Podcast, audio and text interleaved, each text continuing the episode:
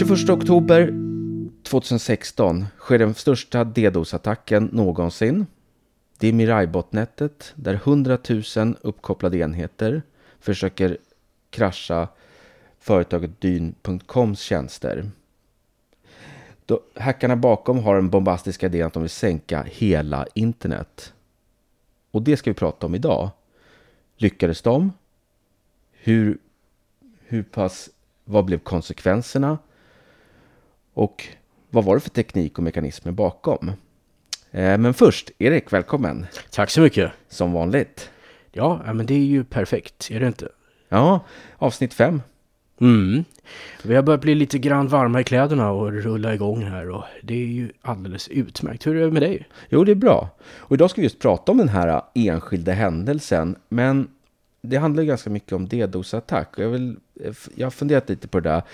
Eh, det sägs ju att DDoS håller på att ersättas nu av eh, ransomware. Att hackersna liksom har slutat med det, att det är lite trendigare att köra ransomware istället, eller?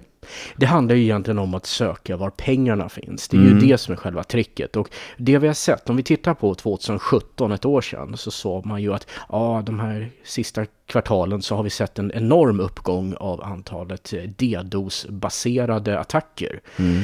Och nu är det 2018 i alla fall, slutet av 2018 och nu ser man att det tvärtom börjar bli en minskning av antalet attacker och det visat sig att fram till september i år enligt Kaspersky som just har släppt en rapport så har antalet DDoS-attacker minskat. Samtidigt så ser man en liten ökning i september. Och då är ju frågan, vad är det som håller på att hända? Och vad det verkar är, de har ju en rätt hygglig koll på de här botnätten och hur de är konfigurerade, och vad de är satta att göra. Och det verkar som hackarna håller på och bygger om sina botnät, alltså sina stora horder med övertagna maskiner som de kan göra vad de vill med. Och då har de gjort om dem från att attackera andra nät med så kallade DDoS-attacker till att börja sprida ransomware, alltså sån här programvara som kryptera dina filer och sen får du ett meddelande att om du vill ha tillbaka filerna så får du betala i bitcoin. Exakt, och det har vi pratat om förut också. Och DDoS har vi inte nämnt tidigare, men det är egentligen det att man överbelastar en tjänst på nätet. Ja, precis, och det är rätt komplicerat att eh, få funka om man bara har några få maskiner. Men har du ett helt botnät med hundra eller tusen maskiner, övertagna routrar, eh, Internet of Things-maskiner, folks brödrostar, om vi ja, har den diskussionen, ja. så är det inte svårt längre. Nej, jag förstår. Och, och bara, bara för, så folk förstår, en DDoS-attack egentligen, så att om du till exempel har en egen webbsida, erik.se eller vad det kan vara, eh, och så väljer då att man gör en DDoS-attack mot den, då kan, då kan ju flera enheter då skicka så mycket trafik mot den och ställa så mycket frågor mot din hemsida så den inte orkar med. Den slutar funka helt enkelt. Och det här har utvecklats under tiderna. Jag vet att när jag första gången hörde talas om DDoS-attacker så pratade man om teardrop och smurf och allting. De hade rätt roliga fantasifulla namn och det var helt enkelt attacker där man kunde använda vissa typer av udda ting i TCP/IP-protokollet för att överbelasta. Idag är de mycket mer avancerade och kan attackera på en högre nivå och få själva webbtjänster och sånt att sluta funka. Ja, för det är det jag undrar lite så. Om, om, man, gör, om, om man gör en sån DDoS-attack, mitt exempel då att du hade en sån hemsida och så, och så trycker man på så att, så att, din sida slutar svara. Men om, men, om, men om attacken slutar, då bör väl din din webbsida då frid och fröjd börjar funka igen? Eller kan man få DDoS-attacken att gå in i koden på något sätt och verkligen skada liksom, systemet på riktigt? Min bedömning är att de flesta DDoS-attacker, när de slutar så kommer systemen tillbaka igen. Mm. Det handlar om att eh, överbelasta CPUn, alltså processorn. Det gäller att överbelasta förbindelsen, alltså själva internetlinan som det här företaget har. Det gäller att överbelasta webbapplikationsservern och eh, överhuvudtaget. När den här belastningen, så länge systemen inte totalt har gått sönder, för den här belastningen kan ju få dåligt byggda system att haverera. Men så länge systemen bara är överbelastade och är upptagna med att svara på en massa falska förfrågningar, så fort de här försvinner så kommer ju systemet tillbaka igen. Just det. Ja. Ja, Precis. Och, och det, var, det var just en DDoS-attack man använde i det här Mirai botnet. Ja, det som är intressant med Mirai-botnätet var ju att man kunde samla ihop så otroligt många sårbarheter för att skaffa det här botnätet. Det var ju fullt med en hel del övertagna routrar och en del Linux-maskiner och mycket annat sånt här saker som gör att du har en bredd på botnätet. Den har tusentals övertagna maskiner av olika slag. Exakt. Det var kameror, mm. eh, DVR-spelare, typ som sådana här inspelningsbara hårddiskar för tvn, TiVo mm. och sånt där vidare. Skrivare, uppkopplade skrivare, webbkameror, elektroniska barnvakter. Ja, det är ju förvånansvärt hur mycket av de här sakerna som är direkt uppkopplade på internet. För att mm. om du har en skrivare så har du väl förhoppningsvis en brandvägg för det. Men ibland så ibland kopplar folk saker rakt ut på nätet. Det... Precis, så, att, så att, vi har ju skojat förut om liksom brödrostarna som attackerar. Det här är lite likadant. Eh, det är ju liksom lösningen då att man ska eh, man ska ju se till att sina prylar har då senaste eh, man kanske inte kan, man kan inte göra så mycket själv åt det, men det ska ju vara moderna grejer i botten då. Ja, de ska vara patchade, men framförallt, jag menar många av de här sakerna som i kameror och sånt där, måste de sitta rakt ut på internet, nåbara från hela världen. Ja. Det, det, är det jag tycker är så konstigt med det. Men, och en elektronisk barnvakt liksom. Måste det vara uppkopplat på internet sådana här saker. Och när man går in på Babyland och köper då ska man fråga så här, vilken Linux-kernel är det i den här Babywatchen då? ja, nej, då kommer de och erbjuder att ja, men om du kommer tillbaka om en vecka så kan vi ha den fixad till senaste versionen. Ja, man blir ganska imponerad om personalen på Babyland säger liksom, ja men jag ska kompilera om kärnan så återkomma om en halvtimme. Ja, nej, det kommer ju inte att hända utan de vet inte ens vad du pratar om.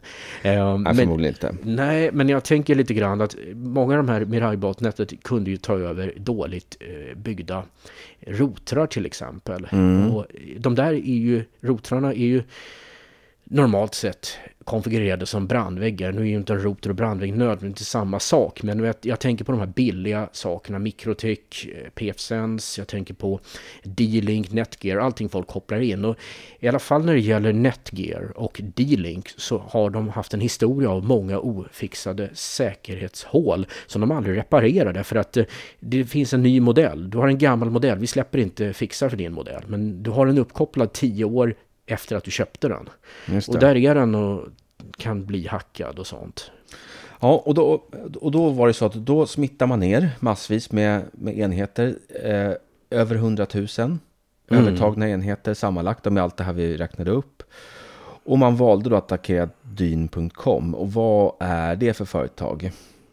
Ja, de har ju DNS-tjänster för en stor del, en, en, en, ganska massiv lista av kända företag. Jag för mig Netflix är med där. Och... Netflix, Amazon, Twitter, CNN, eh, Paypal till exempel, betalningstjänster. Inte bara amerikanska saker, till exempel BBC, eh, svenska regeringens webbsida var, var med där också. Soundcloud. Ja, de publicerar ju vi via numera. Ja, precis. Så tänk om det händer igen, då kommer ni inte kunna lyssna på vår podd. Det är en katastrof. Sen att Paypal går ner, det är mindre viktigt kanske. ja, precis. Eh, GitHub, HBO, ja, det är hur många som helst. Eh, och eh, DNS kan man väl lite snabbt förklara, eh, vill jag också förklara. Så det, det är en tjänst som, som, som översätter som översätter IP-adresser till namn på nätet. Precis. Väldigt enkelt beskrivet liksom bakom eh, Netflix.com så kanske finns en IP-adress 139.14 eller vad det kan vara för någonting. Och så, så istället för att man som använder skriver det i sin webbläsare så kan man skriva Netflix.com istället. Och det är väl det som är DNS. Och lyckas man eh, paja en DNS, ja då kan man inte surfa på nätet. Och det, det var ju Nej. det som var idén. Att de hittade den största DNS-aktören på nätet och valde ut den som en som ett mål. Och det jag tycker är intressant är frågan, var det här en generalrepetition inför någonting värre? För det var ju det folk diskuterade om. De sa att ja, om inom en månad eller inom två månader eller sånt där så kommer den här riktiga attacken. Då ska ni få se. Då mm. minsann. Men det har inte hänt. Det är 2018 nu och det är fortfarande ingen, eh, inget sånt här eh, allomfattande attack som har inträffat. Ja, det är lite konstigt ändå, för nu, det, det är ju inte så att det har minskat på de här två åren med uppkopplade prylar. Nej, verkligen inte. Och det är just det som är tricket. Har vi någonting som vi väntar oss eller inte? Sen är ju också frågan, Dyn har ju nu infört diverse metoder för att minska eh, sannolikheten att bli attackerade. Och det är lite intressant. Vad gör man för att skydda sig själv mot en DDoS-attack? För en vanlig DOS-attack, denial of service, det var en server som eh, belastade en annan server. Just det, då kommer själva attacken från en och samma källa. Precis, eller några få. Men de här distribuerade denial of service-attackerna, Mm. ja, då talar vi om tusentals maskiner. Just det. Så att, förlåt bara liksom avbryta, men som en vanlig DOS-attack då, som kommer från en källa, Ja. då stoppar man det i sin brandvägg. Det får inte komma någon trafik från den här källan egentligen, så är det klart i, i princip. I vissa lägen, det beror lite Ja. grann på vad det är för typ av attack och sånt där. En del en del attacker kan vara lite knepiga att stoppa, men det finns metoder för det. Och Ja. eh, att svartlista IP-adresser för enstaka adresser är inte svårt. Mm. Det stora problemet är att du kan inte blockera ut hela, säg, Serbien. Jag bara ta ett exempel här. För du vet inte om det kommer legitim trafik därifrån. Nej. Det kan du inte avgöra. Eh, om du är ett företag som, som säljer varor över hela världen så vill du definitivt ha kunder från Serbien. Är, då kan du inte blockera ut det bara för att det kommer några attacker därifrån. Eh, just det, precis. Och, och är det 100 000 eh, övertagna enheter så, så är det ganska stor sannolikhet att de kommer från lite olika håll och delar. Inte från samma ställe direkt. Nej, Olika det, geografiska platser också. det de har visat i vissa undersökningar är att det finns en överrepresentation av vissa länder som avsändare för de här eh, botnetten. Och, eh, kort sagt, det är där man lättast tar över maskiner och vad det verkar vara.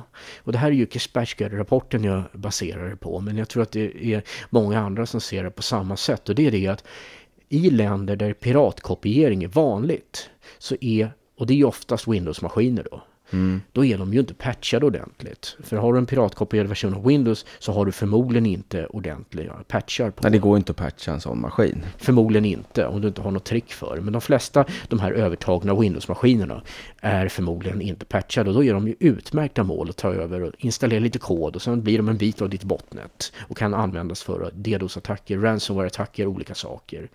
Eh, ja, Just det. Men alltså förut, så, alltså, på den här tiden, då, 2016, 2017, då kunde man liksom köpa en DDoS-attack som en tjänst.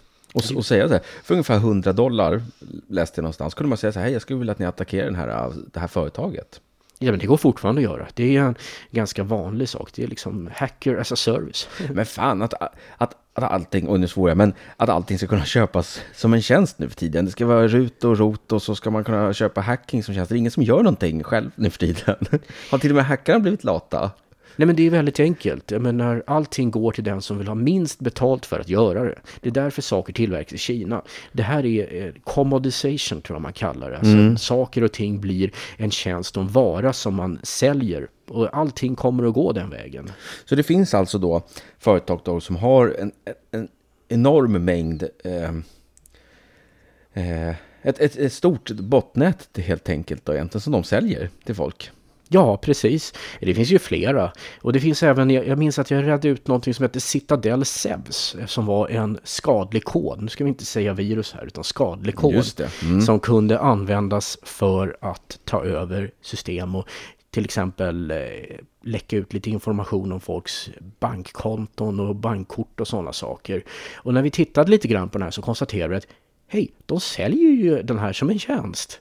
Du kan gå till ett forum och betalar en viss antal dollar så kan du få support när ditt, eh, din malware inte sprids som den ska. Då kontaktar du några hackare och säger hej jag försökte sprida det här till, till några maskiner i Tyskland men de svarar inte. Varför? Då får du hjälp ungefär som ja min dator har slutat fungera och sånt där.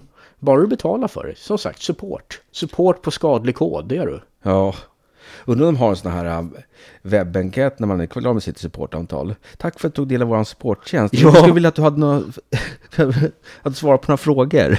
Ja precis. Hur tycker du vår support är på en skala 1 till 10? ja. Ah, det är så irriterande. Varenda gång man går till något ställe så får man sådana. Och jag skulle mycket väl kunna tänka mig att i framtiden så får du även när du anlitar hackers. Ja, jag skulle prata lite om, om styrkan i den här Mirai-botneten också. Ett 1,2 terabit. Mm. Eh, Okej, de flesta kanske har...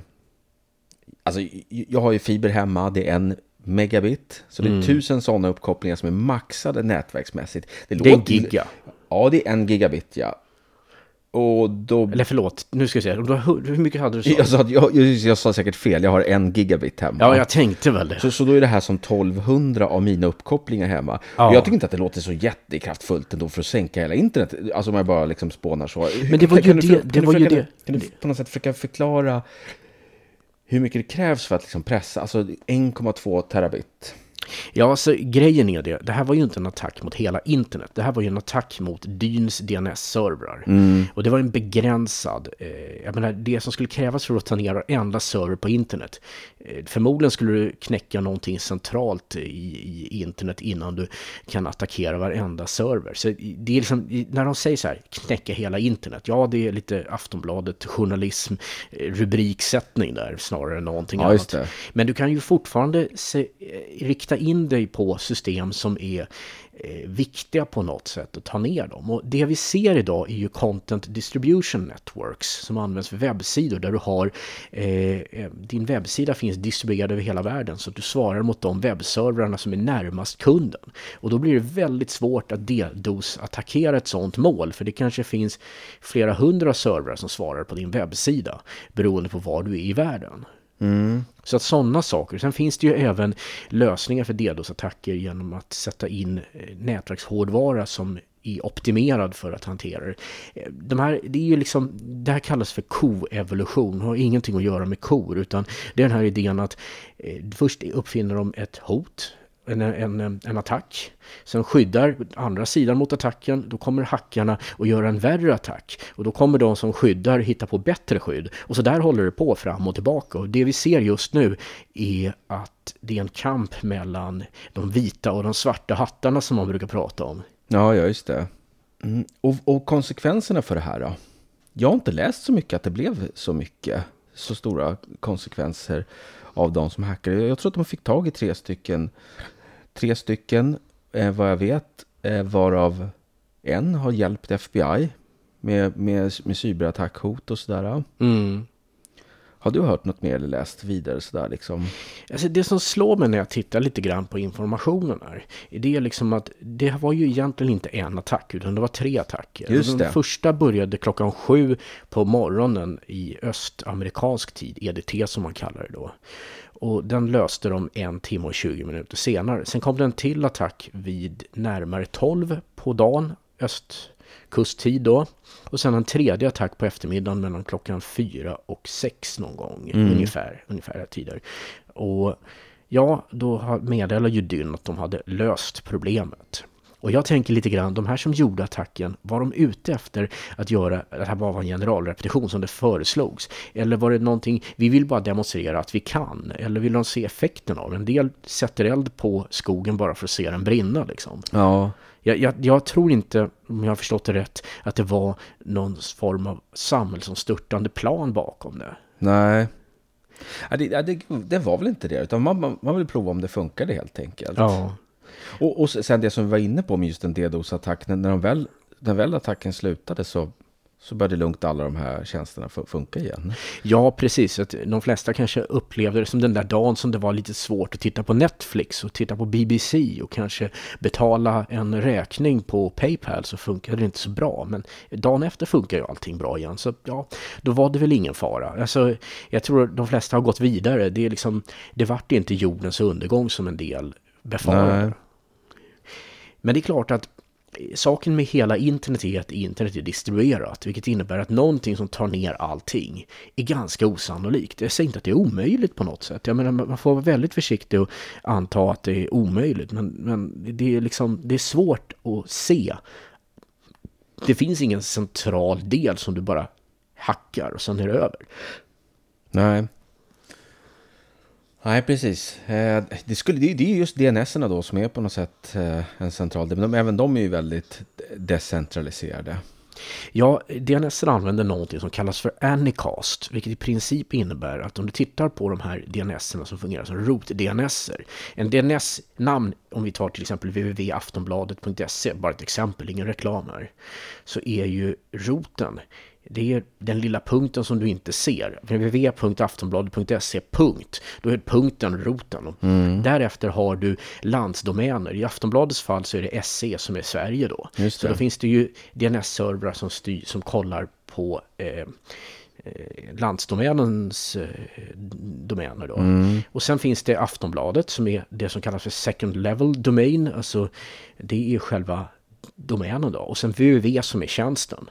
Så när du ska slå upp någonting så börjar du med punkten. För du har i din dator, din server eller din klient en lista på de här rotservrarna som vet allting. Och så säger du hej, finns det någonting på SC? Jajamän, här finns den. Så frågar du SC. Det här gör inte nödvändigtvis din klient. Det kan ju din DNS-server som du har en så kallad eh, recursive server som gör själva jobbet åt dig. Men den frågar vidare och sen frågar den, jaha SC, då frågar den, har du något som heter Aftonbladet? Ja visst, här är den. Ja, just det. Och de högst upp kallas väl för rot-hints, va? Ja, rot, rotservrar då. Rothints är ju helt enkelt det som leder dit. Okej. Och de rotservrarna, har man aldrig försökt attackera dem någon gång? Kommer du ihåg det? Man känner till något Det sånt? pågår nog säkert attacker mot dem hela tiden. Men jag tror inte är att det är någonting seriöst som har tagit ner dem. Som sagt, de kör ju Anycast, vilket i princip innebär att du använder samma IP-adresser till en antal av dem oavsett var du är. Och beroende på var du är i världen så svarar olika servrar på det. Just det. Vanliga IP-adresser, när vi säger att gå till den här adressen och du kommer till en viss system, det kallas för Unicast. Mm. Just det. Och det som är intressant med det här är att jag tror att den här hierarkin är svår. Den är nog väldigt svår att ta ner. Men det är klart, om du skulle kunna få bort alla rotservrar på ett eller annat sätt, hålla dem nere med någon form av massiv DDoS-attack, då blir ju all uppslagning totalt omöjlig. Så det blir ju, ett, men, men återigen, som, som vi kom fram till, när du har slutat attackera de här näten, när du slutar med DDoS-attack, då kommer ju systemen tillbaka. Mm. Så att det går att lösa DDoS-attacker. Eh, jag är personligen inte jätteorolig för att det skulle komma en stor DDoS-attack som tar ner hela internet. Det, det, det tror jag inte. Det är inte omöjligt, allting är möjligt, men jag tror inte den risken är stor. Ja. Ja. Ehm, det var väl den mest kända. Det har ju, det har ju varit större DDoS-attacker efter de här faktiskt. Ja, men det är ju som Bruce Schneier, säkerhetsexperten, säger. Attackerna blir inte sämre, de blir värre. Ja. Det har varit till exempel mot GitHub. Den var ännu större. Och sen Wired Telecommunication Carrier i USA. Mm. Eh, 1,7 terabit. Terabyte. Terabit måste du Terabit, du? Terabit, ja. ja. precis. Ehm, mm. Så det, det pågår hela tiden, blir större och större. Men det här är väl kanske den som var lite mest eh, kända i och med att den slog ner så, så, så många system. Jo, det är ju det som är grejen. Jag menar, som sagt att det här är ju någonting som har blivit en tjänst som du kan köpa. Det- Jag tror att i någon av våra första avsnitt så snackade vi om möjligheten om den här påhittade kasinosajten som dagen efter att den startade blir attackerad med en DDoS-attack. Och så vill de ha pengar för att man ska sluta attackera dem. Ja, Det får de beskyddar pengar skulle jag nästan kalla just det. Och det är ju sådana saker de håller på med. Men det tar ju ner en sajt eller ett system eller någonting. Mm. Och det kommer vi ju se mycket av. Eh, och då är det ju det du kan göra är att ha content distribution networks, du kan ha optimerade system för att hantera det här och sånt. Men att stoppa det här, få bort DDoS-attackerna, få bort botnäten, det tror jag är någonting vi inte kommer att se på många år än. Jag tycker liksom det, det, talar emot sin natur att försöka stoppa det. För tänker att du har en webbsida. Du vill att, att du ska, den ska vara så tillgänglig som möjligt av så många besökare från så många platser på jorden som möjligt. Eller? Precis, och det går ju emot hela det, den strukturen. Så Ja. jag säger, du kan inte koppla bort Serbien eller säg Tjeckien eller Nej. USA eller något sånt där. För att eh, då klipper du av din egen kundbas. Mm. Eh, det, här är, det här är ett stort problem. Nätet är globalt och då blir problemen som, som kommer också globala. Det skulle vara om man kanske kan filtrera bort att de här typ av enheterna på något sätt inte ska kunna koppla upp sig mot, mot vår webbsida eller någonting och sådana saker. Det finns ju tjänster. Det finns en litet plugin som heter P0F. Jag vet inte hur det uttalas, men det används för att kartlägga vad du har för en maskin. Kör du Linux, Windows eller någon appliance eller någonting. Och den kan man plugga in i en, i en server och säga att man, där kan man alltså i princip filtrera bort. Jag vill inte att folk med Windows ska kunna gå till min sajt. Ja, eller så här, om du har en hotellkedja så har du liksom en bokningssajt. Då kanske du inte behöver att elektroniska barnvakter ska kunna koppla upp sig mot den. ne? Men jag vet inte hur det skulle skydda för hur många sådana. det är klart om de är DDoS-attacker kanske. Ja, men, ja, nej, men som, som ett exempel då, då kanske bara mer ska vara telefoner och Ja. Jag vet inte datorer. hur bra det här är. Jag, Ja. har aldrig, jag har aldrig i mina dagar som systemadministratör sett någon nytta till att använda det. Jag har bara Ja. läst att det går att göra och sånt där. Jag, jag vet inte vem... Vad man kan göra är att man kan sätta någon form av trottling på saker och ting. Att man tillåter bara ett visst antal anrop per eh, system och sådana saker. Just Alltså det. uppkopplingar. Och det här ger ju inte ett heltäckande skydd. Men det kan skydda mot vissa typer av attacker. Och du kan även i brandväggar och sånt sätta på diverse saker som gör att eh, överbelastningsattacker blir svårare. För problemet med överbelastningsattacker är att de kan antingen ske på en låg nätverksnivå eller på en hög applikationsnivå. Till exempel att du försöker göra massiva eh, förfrågningar mot en webbapplikation. Då gör du ju på en högre applikationslager. En annan typ av attack där försöker du koppla upp så många TCP-koppel som möjligt tills du inte längre kan ta emot anrop. Och de här är lite olika i utformning och hur man skyddar mot dem. Just det. Ja, eh, då känns det väl som vi har tömt lite den här Mirai-attacken under 2016. eh? Ja, och vi får väl hoppas att vi inte får återkomma på ämnet. Men det, Det, vet tror jag inte. säkert. Jo, Annars har vi inte så många mer poddar att spela in i så fall då. nej, du vet att de har ju slutat. Alla hackare i hela världen har gett upp nu. Så att vi lägger ner. Det här är sista podden. Ja, nej, utan ehm, det kommer säkert komma mer saker. Och de hittar på nya saker. ja, det... Det kommer nya trender i det, som sagt. Mm. Så, eh, det var allt som vi hade idag då. Så då tar vi, hörs nästa vecka. Ja, det gör vi.